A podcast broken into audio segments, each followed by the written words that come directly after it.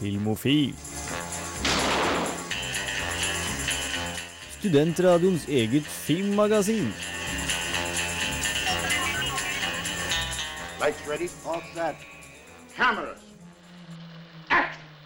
Akkurat som skurken du trodde var død, slår vi neven gjennom skrotet som ligger over oss og kommer tilbake. Dette er Filmofil på Radio Revolt, FM 100 og 106,2. Mitt navn er Jens Erik Våler, med meg i studio som alltid, Sigurd Vik og Gaute Eliassen. Hei, gutter. God dag. God dag. Vi skal gi dere Oscar-prat. Vi skal gi dere anmeldelser av premierefilmene 'Season of the Witch' og den norske filmen 'Mennesker i solen'.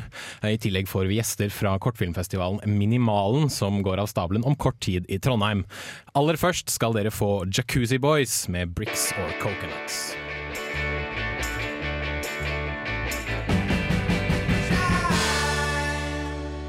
Jacuzzi Boys, Bricks or Coconuts her på Filmofil. Vi skal nå ha filmnyheter, og det skal være Oscar-spesial.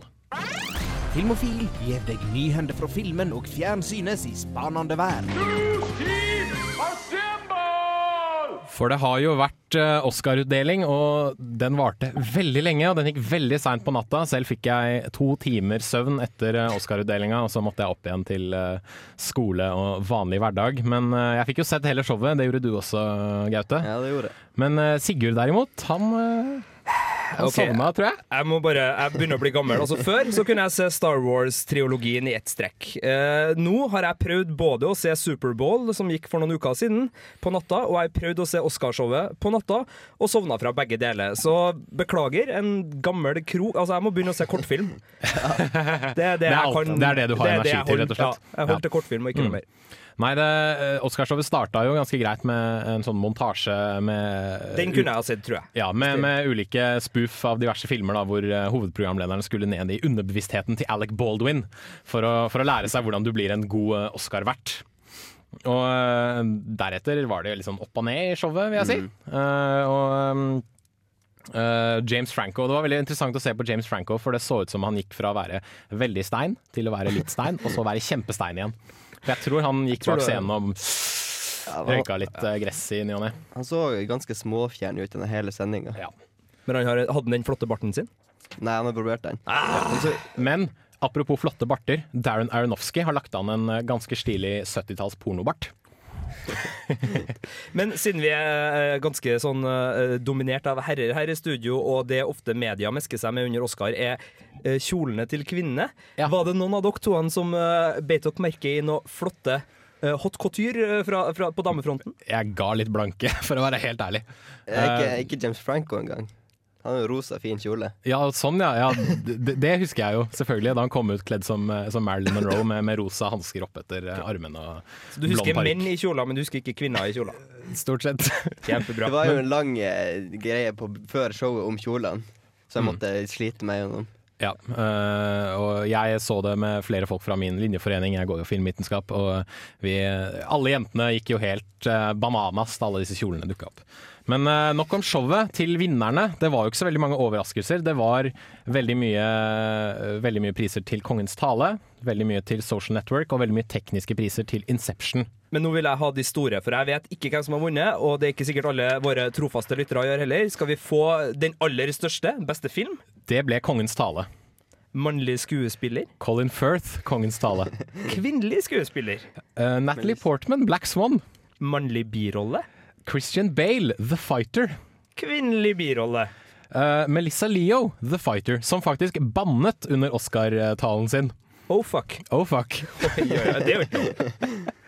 Uh, skal vi se. Uh, beste animerte film, selvfølgelig. Toy Story 3. Det var jo ikke Det måtte man jo regne med. Og danske Susanne Bier vant uh, beste utenlandske film, kan Den- vi jo nevne. Vi tar til oss den.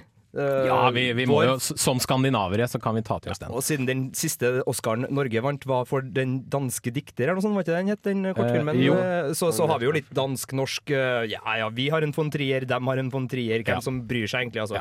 Ja, vi, vi stjeler litt, uh, litt eh, Thunder fra dansk. Men uh, kremen av showet syns jeg var Kirk Douglas da han kom ut på scenen. Kreftpasient Kirk Douglas? Ja, med slag. Eller tidligere kreftpasient? som hadde hatt slag og alt mulig annet rart. 95 år gammel har han blitt. Kommer ut på scenen, eh, takker vertene selvfølgelig, snur seg mot Anne Hathaway og sier tilbake She's beautiful! Where were you when I was making pictures? Kåt gammel mann, rett og slett. Tok ikke han og overfalt et, en bråta paparazzi-fotografer i forkant av showet òg? Det fikk jeg ikke med meg, men han prøvde, han prøvde å grabbe litt uh, pupp på Miss Leo da hun kom opp på scenen. Hva sa Catherine Sita til sånt? Uh, nå tenker du på Michael Douglas, som er uh, svigerdatteren. Nei, uh, Nei, ja. svigersønnen. Unnskyld. Jeg- Beklager. Det var, å det var han som angrep eh, forresten og hadde kreft. kan. Nå var jeg veldig, veldig veldig lite presis på Douglas. eh, Men far og sønn, mm. en uh, håndfull, kan man vel si. Så absolutt. Og uh, Kirk Douglas var en håndfull, men han var en veldig morsom håndfull å se på. Begge er vel nær døden nå, så vi får I nyte av hvert mens vi fall. Kirk Douglas. Det var alt vi hadde om eh, Oscar. Når vi eh, kommer tilbake, så blir det kinoanmeldelser og ikke minst gjester fra kortfilmfestivalen Minimalen. Men aller først Tyler the Creator med Yonkers.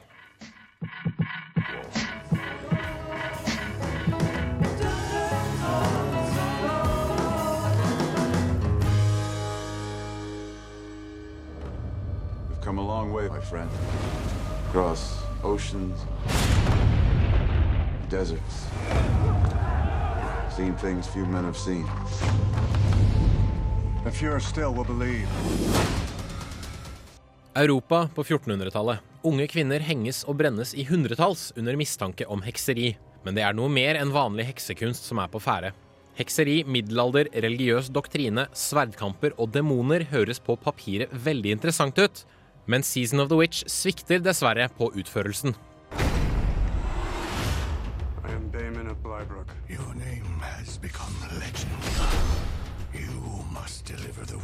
To Severak, where you will destroy the witch's powers. Nicholas Cage og Ron Perlman spiller korsfarere som deserterer og flykter tilbake til hjemlandet. Et østeuropeisk England hvor alle snakker amerikansk og byllepesten herjer som verst. Pga. deserteringen er våre to riddere ettersøkte og blir derfor arrestert. Men om de eskorterer en ung jente beskyldt for hekseri til nærmeste kloster, vil tiltalen mot dem frafalle, og de vil bli frie menn. That the witch That is not what I say. I will take the girl, but if she is not what you say, she will not be yours to burn. You're not like the others. Jeg visste at Season of the Witch kom til å bli en spesiell opplevelse da en kvinne anklaget for hekseri sto opp igjen fra de døde, spydde i ansiktet på en prest, for så å drukne han og brenne salmeboken hans i løpet av de fem første minuttene. Filmen kommer fra regissør Dominic Sina, som tidligere har gitt oss bl.a. Gone in 60 Seconds og Swordfish. Pizzaen glir greit ned den, men ingen av filmene har vært store mesterverk. Dette gjelder også Season of the Witch. Do you believe I'm a witch, Bayman? Don't be deceived. She sees the weakness that lies in our hearts. And what she sees there, she will use against us. You're not afraid of me. Are you? Så var det filmens to store trekkplastere, Nicholas Cage og Ron Perlman. Cage benyttes som regel på to måter i alle filmer han er med i. Fullstendig over the top eller lavmælt og kontrollert. Her ser vi litt av begge, men ikke nok til at det blir særlig interessant å se på. Han har rett og slett for lite å jobbe med. Det samme gjelder Ron Perlman, som fungerer godt som tørrvittig sidekick, men som trenger bedre one-linere. Manuset mangler dessverre skikkelig brodd, og regien kunne vært strammere. She'll turn one man against another. They must be punished. Let's finish this.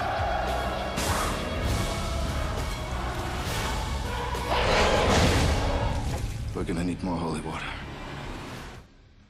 Filmens komponist Atli Ørvarsson smører tjukt på med latinske kor og bombastiske orkesterverk som etteraper mye av de mer dramatiske stykkene vi hørte i 'Ringenes herre'. Sjefen for visuelle effekter har tydeligvis onanert skikkelig over filmstripen, for her er alt fra dataanimerte ulver og demoner til dataanimert blod, ild, tåke og regn.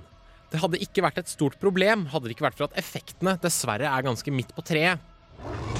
What madness is this? This is a curse from hell. Brought upon us by the Black Witch. You've been found guilty of consorting with the devil. Do it. Men har du allikevel halvannen time å slå i hjel og føler at du trenger en ukomplisert, men allikevel godt teknisk utført historie, kan Season of the Witch være filmen for deg. Karakterene er flate, og manuset mangler litt ekstra snert, men filmen vil nok fungere godt på DVD sammen med et par øl og en Grandis. Er du ute etter dypere saker, må du nok lete andre steder. Terningkast tre. Der fikk du min anmeldelse av Season of the Witch. Før det så fikk du Heksvessel med For Whom The Death Knell Tolls. Vi eh, fortsetter rett på, vi, med resten av eh, denne ukens kinoanmeldelser. Nå skal dere straks få høre Gaute Eliassen sin dom over eh, den nye norske filmen 'Mennesker i solen'. En såkalt dommedagsfilm, hvis jeg ikke tar helt feil, Gaute. Ja, det var rett. Og eh, ja, norsk dommedagsfilm, en komedie attpåtil. Jeg tror det kan, det kan funke. Så får vi Vi høre hva. Gaute har å si. Sommeren var på hell. Det her var siste kveld. Bokstavelig talt. For nå går verden under. Og her er værmeldingen. Vi får perfekt sommervær. Kjenner du hvordan solen steker? Med rekordhøye temperaturer. Mennesker i solen begynner som en vanlig sommerkomedie om to ektepar som bestemmer seg for å feire sankthansaften i dag. Plutselig blir vi vitne til diverse uforklarlige naturfenomener som mildt sagt setter en demper på sommerstemninga. Hva om vi slo våre pjalter sammen og slukket litt mat og drikk og Klokka seks. Presis. For ingen vil vel komme for seint til seks? For seint til seks? Det er vel første gang vi får servert en dommedagskomedie her til lands. Konseptet setter grunnlag for noe som kan bli en meget underholdende filmopplevelse. Til tider er det det også, men mest pga. at fokuset ikke ligger på at jorda er i ferd med å gå under. Det som underholder mest, er dialogene og de situasjonene som oppstår mellom hovedpersonene. Det er som vi er alene på kloden. Tenk om vi var det. Jeg mener sånn rent eh, teoretisk. Så burde vel egentlig vi switche damer da, og feie over dem begge to. Ja, For å få mer variasjon i genene, mener jeg. Vi møter vårt første dysfunksjonelle par i Ingrid og Stig, spilt av Ane Dahl Torp og Jon Øygården. Og vårt andre dysfunksjonelle par i Siv og Svein, spilt av Kjersti Holmen og Ingar Helge Gimle, som i tillegg har med deres forsømte sønn. Alle personene har veldig forskjellige personligheter og forskjellige meninger om ting, som gjør at de får mange artige dialoger. Spesielt morsom er Ane Dahl Torp sin tolkning av Siv som en naiv, småfjern dame uten stemmerett i ekteskapet, som tydelig er blitt tvunget til å fortrenge mange av følelsene sine.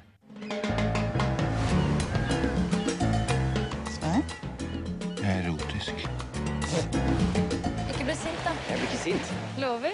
Jeg blir ikke sint. Nå er du sint. Ja, men så hold kjeft, da! Dette er en kortfilm på 1 time og 20 minutter, som gjør at filmen ikke blir kjedelig, selv om plottet ikke er det mest innholdsrike. Filmen får meg til å humre flere ganger. Likevel er det ingenting som virkelig setter lattermuskelen i gang. Dette er på ingen måte stor filmkunst, og spesialeffektene er ikke det mest imponerende jeg har sett. Men det er enkel og grei underholdning, og verdt å få med seg. Terningkast fire. Vi tenke rasjonelt! Det finnes en naturlig forklaring på dette her.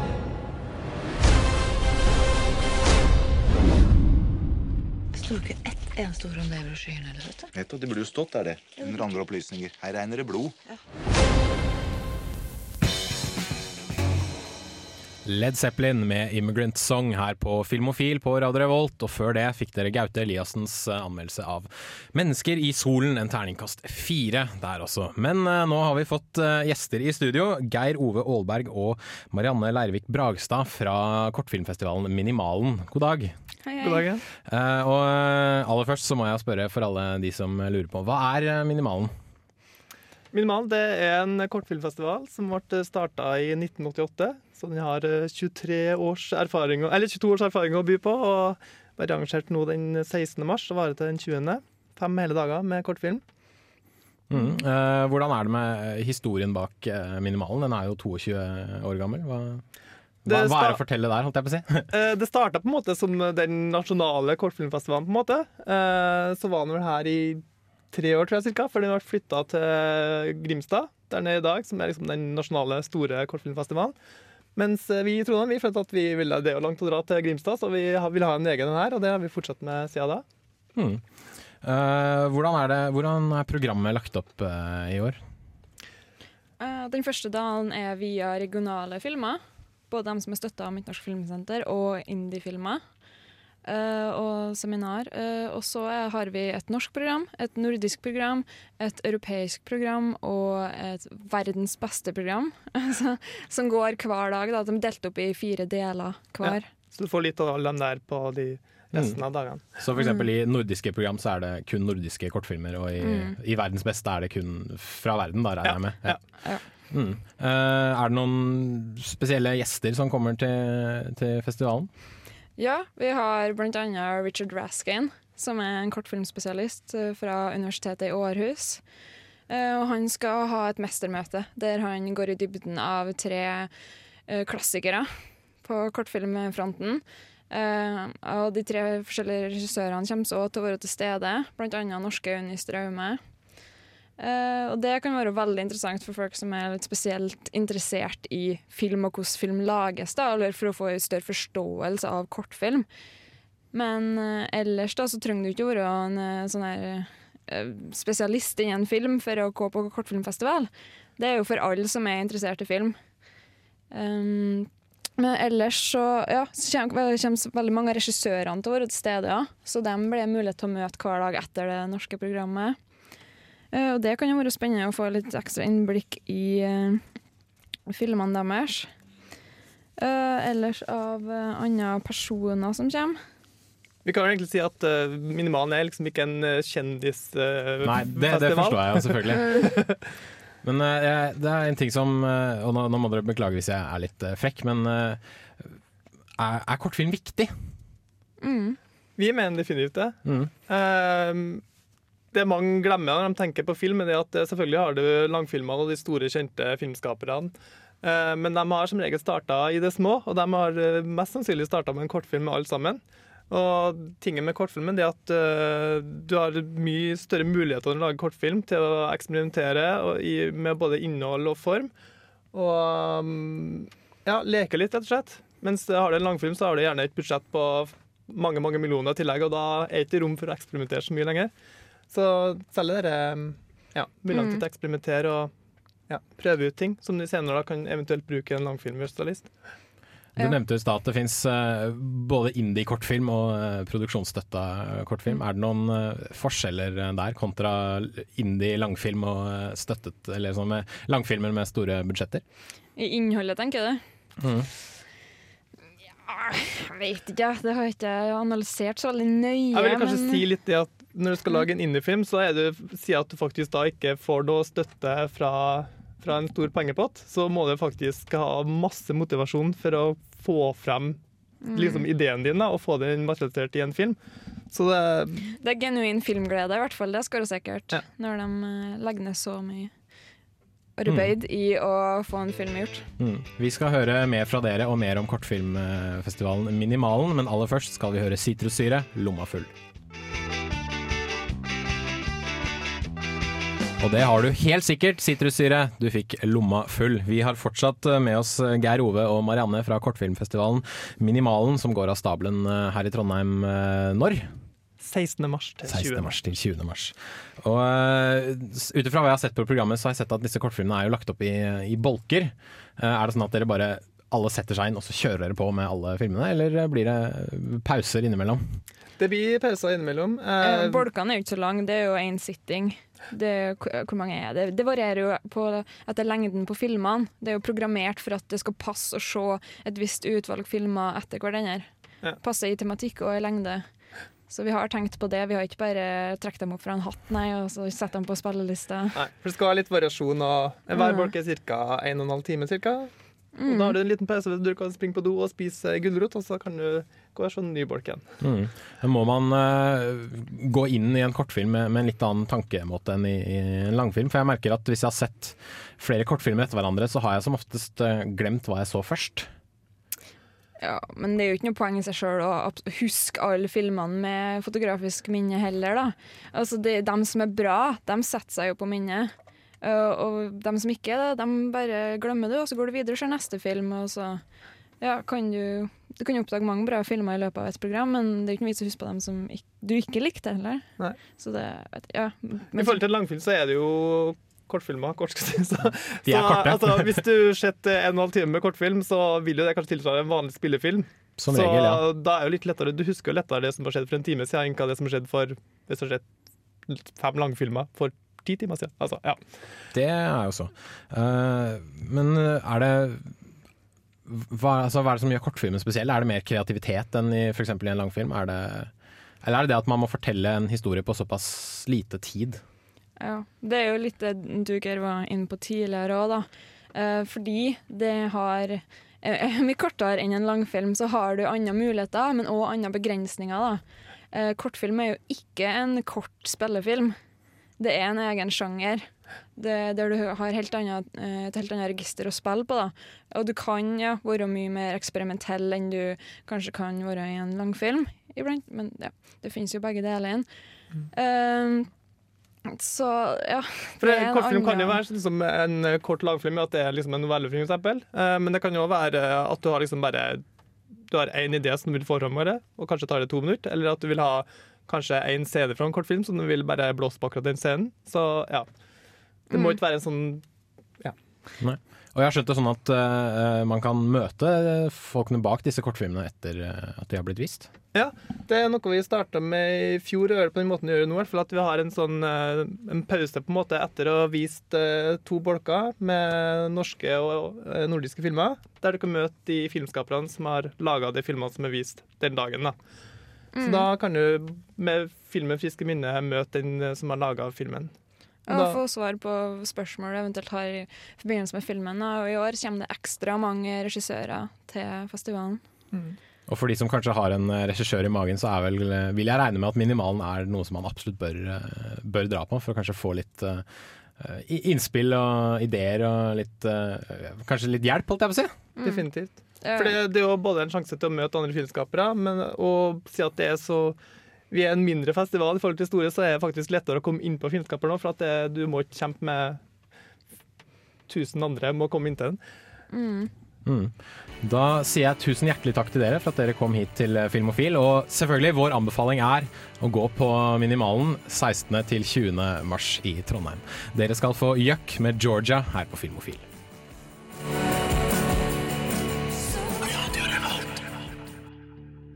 Du fikk Jøkk med låta Georgia her på Radio Revolt. Æsj der, altså. Eh, kanskje litt eh, spesielt eh, bandnavn, må jeg si. Vi skal nå til ukas eh, filmlåt, hvis Sigurd Vik klarer å komme seg inn døra til studio. Ta Åpne døra for han, du, Gaute. Ukas filmlåt.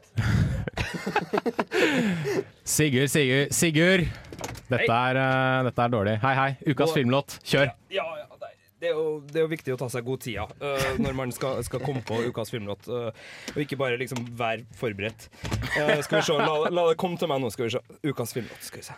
Mm, jeg vil til sånn cirka rundt 1990. Mm.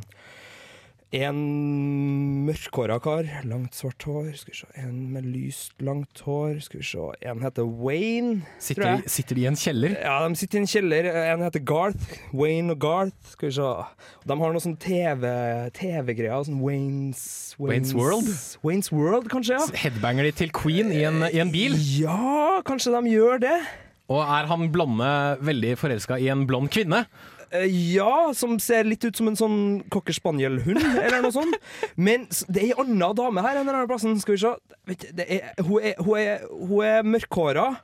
Ganske hun, er, hun asiater? Ja, litt sånn asiatisk Skal vi se Tia Tia Carrera? Karar. Ja! For ei dame. Herlighet, for en film! Oh. Uh, jeg var ung mann på kino i Trøndelag og så Waynes World, og det var et eller annet som eh, eh, vektes i meg. Er det for ufint å si? Er den innafor? ja, Jeg sa ja. onanert i en anmeldelse tidligere i dag, så du får lov til å si vekket eh, i deg. Takk. Uh, men det som var så kult da med den scenen der uh, de liksom bare sitter og ser på Tia Carrera, Carrera ja. er at eh, den var akkompagnert av en så fantastisk låt av en så fantastisk artist, nemlig Jimmy Henriks. Og komboen Jimmy Henriks eh, flott, flott dame og litt sånn luftkanon, så vidt jeg husker. Litt sånn slow-mo, luftkanon, uh, brass up. Herre er ting jeg liker. Ja. Mm. Jeg elsker det her. Og så fra Filmofil i dag så tror jeg vi skal gi lytterne rett og slett Foxy Lady en liten Waynes World-vib. Og bare husk, jeg, jeg så noen bilder av hun Tia i dag, da. Hun er ikke like heit som i. Fjellgeit, men, men hun var etter. TV-serien Relic Hunter så tror jeg ikke hun var det samme. Nei, det kan ødelegge mange. Men, men hun var swing! Og det er fremdeles mange som er swing, så kos oss med uh, Henriks, da.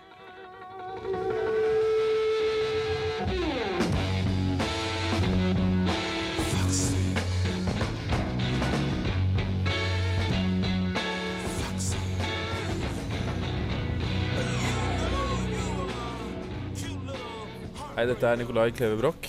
Eh, Jeg vil bare si, hør på Filmofil, så får du med deg mye bra stoff om film. Det stemmer. Du bør gjøre som Nicolai Klevebrok og høre på Filmofil. Vi, vi regner med at han hører på oss. Men eh, Er det et generelt råd? Altså gjør som Nicolai Klevebrok sier? Nei, eller det er et spesifikt råd. Hør på? Filmofil. Hør på Filmofil. Uh, dere hørte ukas filmlåt, Jimmy Henriks 'Foxy Lady'. Før det så hadde vi eh, Geir Ove og Marianne fra Minimalen. Minimalen.com hvis dere trenger mer informasjon om Kortfilmfestivalen. Men nå skal vi ha Videonytt. Nytt i videohylla. Rykende ferske digitalfilmer som du kan ha i din heim. Men dessverre er det ikke så veldig mye som er verdt å nevne denne uka i DVD-videohylla. Skal vi rett og slett kalle det ei møkkauke for den Vi filminteresserte hjemmere sofasliteren? Det er veldig mye, veldig mye TV-serier som kommer ut. Eh, eh, Wallander? Din Dinosaurenes verden. En, ja. en, tror det er en BBC-dokumentar. En del Wallander, selvfølgelig. Eh, en, eh, en Callgirls eh, dagbok. Eh, men det er faktisk en veldig god eh, TV-serie, må nevnes. Eh, men Og jo, apropos TV-serier, Heroes sesong fire. Som, okay. Du, du begynner å nærme deg et eller annet der. som, som var god, men ikke like god som sesong én. Okay. jeg vet ikke, Gaute, var du noen Heroes-fan? Ja, jeg så de tre, de tre første, jeg tror jeg har sett. Ja. Eh, sesong fire hadde jo min, en av mine store helter, Robert Nepper, i, i en av skurkerollene. Det var veldig fint å se han etter, etter denne teabag-rollen han hadde i uh, Prison Break, blant annet. Men når vi er dit hen at en releaseuke så vidt tilfredsstiller nerden Jens Erik Våler, som på en måte klynger seg til, til uh, strå her, så kan vi vel si Jeg- at det er ikke blant de, de gode ukene på videofronten. Men det finnes vel en film? Det fins en, skinnende en skinnende nerdeting i horisonten. Scott Pilgrim vers- versus The World. Den berger hele greia. Den berger hele greia. Den er nå ute på DVD og Blu-ray. Den anmeldte jeg da den hadde kinopremiere, og øh, den så jeg samme uka jeg øh, hadde anmeldt den også. Jeg måtte selvfølgelig se den to ganger. Nå er den ute på Blu-ray og DVD. Jeg skal ha den, men øh, nå skal dere få høre hva jeg hadde å si om den.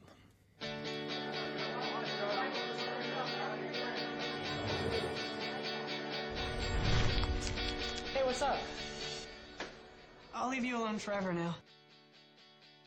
Den 22 år gamle canadieren Scott Pilgrim lever et ganske enkelt og greit liv. Han dater en 17 år gammel high school-jente, snylter på romkameraten og spiller bass i bandet Sex Bob Bomb. Livet er akkurat slik Scott ønsker at det skal være. Ukomplisert. Når han treffer Ramona Flowers derimot, forandrer situasjonen seg drastisk. Mr. Pilgrim! I'm Ramona's first evil ex-boyfriend. Wait, we're fighting over Ramona? Didn't you get my email explaining the situation? I skimmed it. Mm -mm. Ramona har nemlig en del svin på skogen i form av syv onde ekskjærester. Deres oppdrag å ta Scott av dage. Scott Pilgrims verden fungerer nemlig på dataspillogikk, med power-ups, poeng, ekstra liv, kule sverd og kung fu moves. Der man vanligvis ville brytt ut i sang og dans i en musikal, går det her på nevene løs til motstanderen eksploderer i et hav av småmynter. Scott er faktisk en dust, men fy fader som han kan sparke ræv. We all have baggage. Yeah, well, my baggage doesn't try and kill me every five minutes. Fra første slåsskamp til en eksplosiv finale disker regissør Edgar Wright opp med harde slag, høye spark, mystiske superkrefter og blendende spesialeffekter. Det som lett kunne bli en surrealistisk og hyperaktiv suppe av slåssing, visuelle effekter, hipstermusikk og popkulturelle dataspillreferanser, for dem er det jaggu mange av, har blitt et godt balansert buffé med interessante karakterer, kule bad guys, masser av humor, fet musikk og store mengder originalitet. I dislike you, capiche? Tell to the cleaning lady on Monday. What? Because you'll be dust by Monday. Um, Because you'll be pulverized in two seconds. And the cleaning lady, she cleans up dust. She dusts. Mange kommer til å mislike Scott. Han er en lat, sytete, klengete, umoden og ekstremt selvsentrert person. Ramona på sin side har problemer med å binde seg, er emosjonelt avvisende og flykter fra fortiden sin. Men det er akkurat det som gjør Scott Pilgrim vs. The World så interessant. Folk kan kjenne seg igjen i både Scott, Ramona og vennegjengen rundt dem. Det faktum at Scott er en dust, men ikke slipper unna med det, gjør at et overdrevet tegneserieunivers klarer å forbli jordet til tross for et over the top premiss. Scott, if your life had a face, I would punch it. Yeah. Wait. Filmen er dessverre ikke helt perfekt. Det faktum at seks tegneseriebøker har blitt komprimert til én film på under to timer, gjør at historien føles forkortet og kanskje litt raskt fortalt i noen deler av filmen. Jeg skulle gjerne ha sett mer av Scotts univers og blitt enda bedre kjent med de ulike bikarakterene. De syv onde eksene er tydeligvis basert på ulike typer dataspillbosser, men ikke alle får like mye tid på lerretet. Noen av dem har til og med ikke replikker. Skuespillerprestasjonene er heldigvis veldig gode over det hele, og det er godt å se Michael Cera spille en karakter i en romantisk komedie som ikke er den perfekte, følsomme 16-åringen han vanligvis spiller. If she's the girl of your dreams, then you have to let her know. Step up your game, Scott. Break out the L word. Lesbian? The other L word. Lesbians? Scott Pilgrim vs. The World har noe for de fleste. Er du glad i dataspill og populærkultur? Filmen er full av referanser og throwbacks til 90-tallet. Er du glad i kung fu? Kampscenene er velkoreograferte og stilige å se på. Er du en spesialeffekt-junkie, kommer filmen til å blåse deg bakover i setet og tenne på netthinnene dine. Er du glad i en godt fortalt historie, dype karakterer og et innblikk i hvordan dessertgenerasjonen kontekstualiserer forhold, kjærlighet, svik og livet generelt, Scott Pilgrim vs. The World har, og er, akkurat det. Dette er den perfekte film for nedlastningsgenerasjonen, og har potensial til å bli en kultfilm for übernerder. Men den er mye, mye mer enn bare det.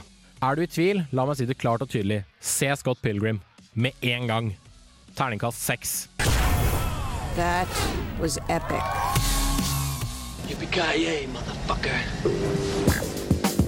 Du lytter til Filmofil på Radio Revolt. Besøk oss gjerne på våre nettsider på radiorevolt.no filmofil. Der finner du meldinger av kino- og videopremierer, og i tillegg podkast av alle våre sendinger. Har du ris eller ros, tips eller triks, kontakt oss gjerne på elektronisk post. Filmofil, krusedull alfa, radiorevolt.no. Yes, du hører på Filmofil på Radio Revolt FM 100 og 106,2. Mitt navn er fortsatt Jens Erik Våler, men det var dessverre alt vi rakk her i Filmofil. Det er litt leit, er det ikke det? Det er litt tomt. Det er litt tomt. Men vi kommer tilbake sånn neste uke. Ja, ja, Neste vi, uke. Vi kommer tilbake. Og uka etter der. Og uka etter Og der. uka etter der. Oh, yes. Ah, det her går bra. Og uh, jeg, jeg skal prøve å ha en ny catchphrase øh, for åpningen hver gang. Jeg vet ikke helt hva jeg føler om det, men ok. Nei vel. Takk, Eh, tekniker. Takk. Hysj nå. Oppsummering først. Uh, ukas uh, kinopremierer er bl.a. Uh, norske 'Mennesker i solen' og den amerikanske 'Season of the Witch'. Uh, 'Mennesker i solen' fikk en terningkast fire av Gaute Eliassen. 'Season of the Witch' fikk en terningkast tre av meg. Uh, funker greit med Grandis og øl, men ellers ikke noe særlig å se på kino. Men jeg liker jo Grandis og øl! Det kommer jo til å gå kjempebra. Så kjøp filmen på DVD. Uh, Får man lov til å ha med Grandis og øl på kino? Kjøre det i en blender og, Kjør det i en blender og varme den opp. uh, på Blu-ray og DVD denne uka, Scott Pilgrim vs. The World, vår pick of the week, vil jeg si. Eller vårt ukas valg, som det heter på norsk. Uh, vi har Takk til uh, igjen Geir Ove og Marianne fra Minimalen, som eh, ga oss eh, litt eh, informasjon om den. Og vi anbefaler selvfølgelig at alle drar på Minimalen hvis de er glad i, i god film.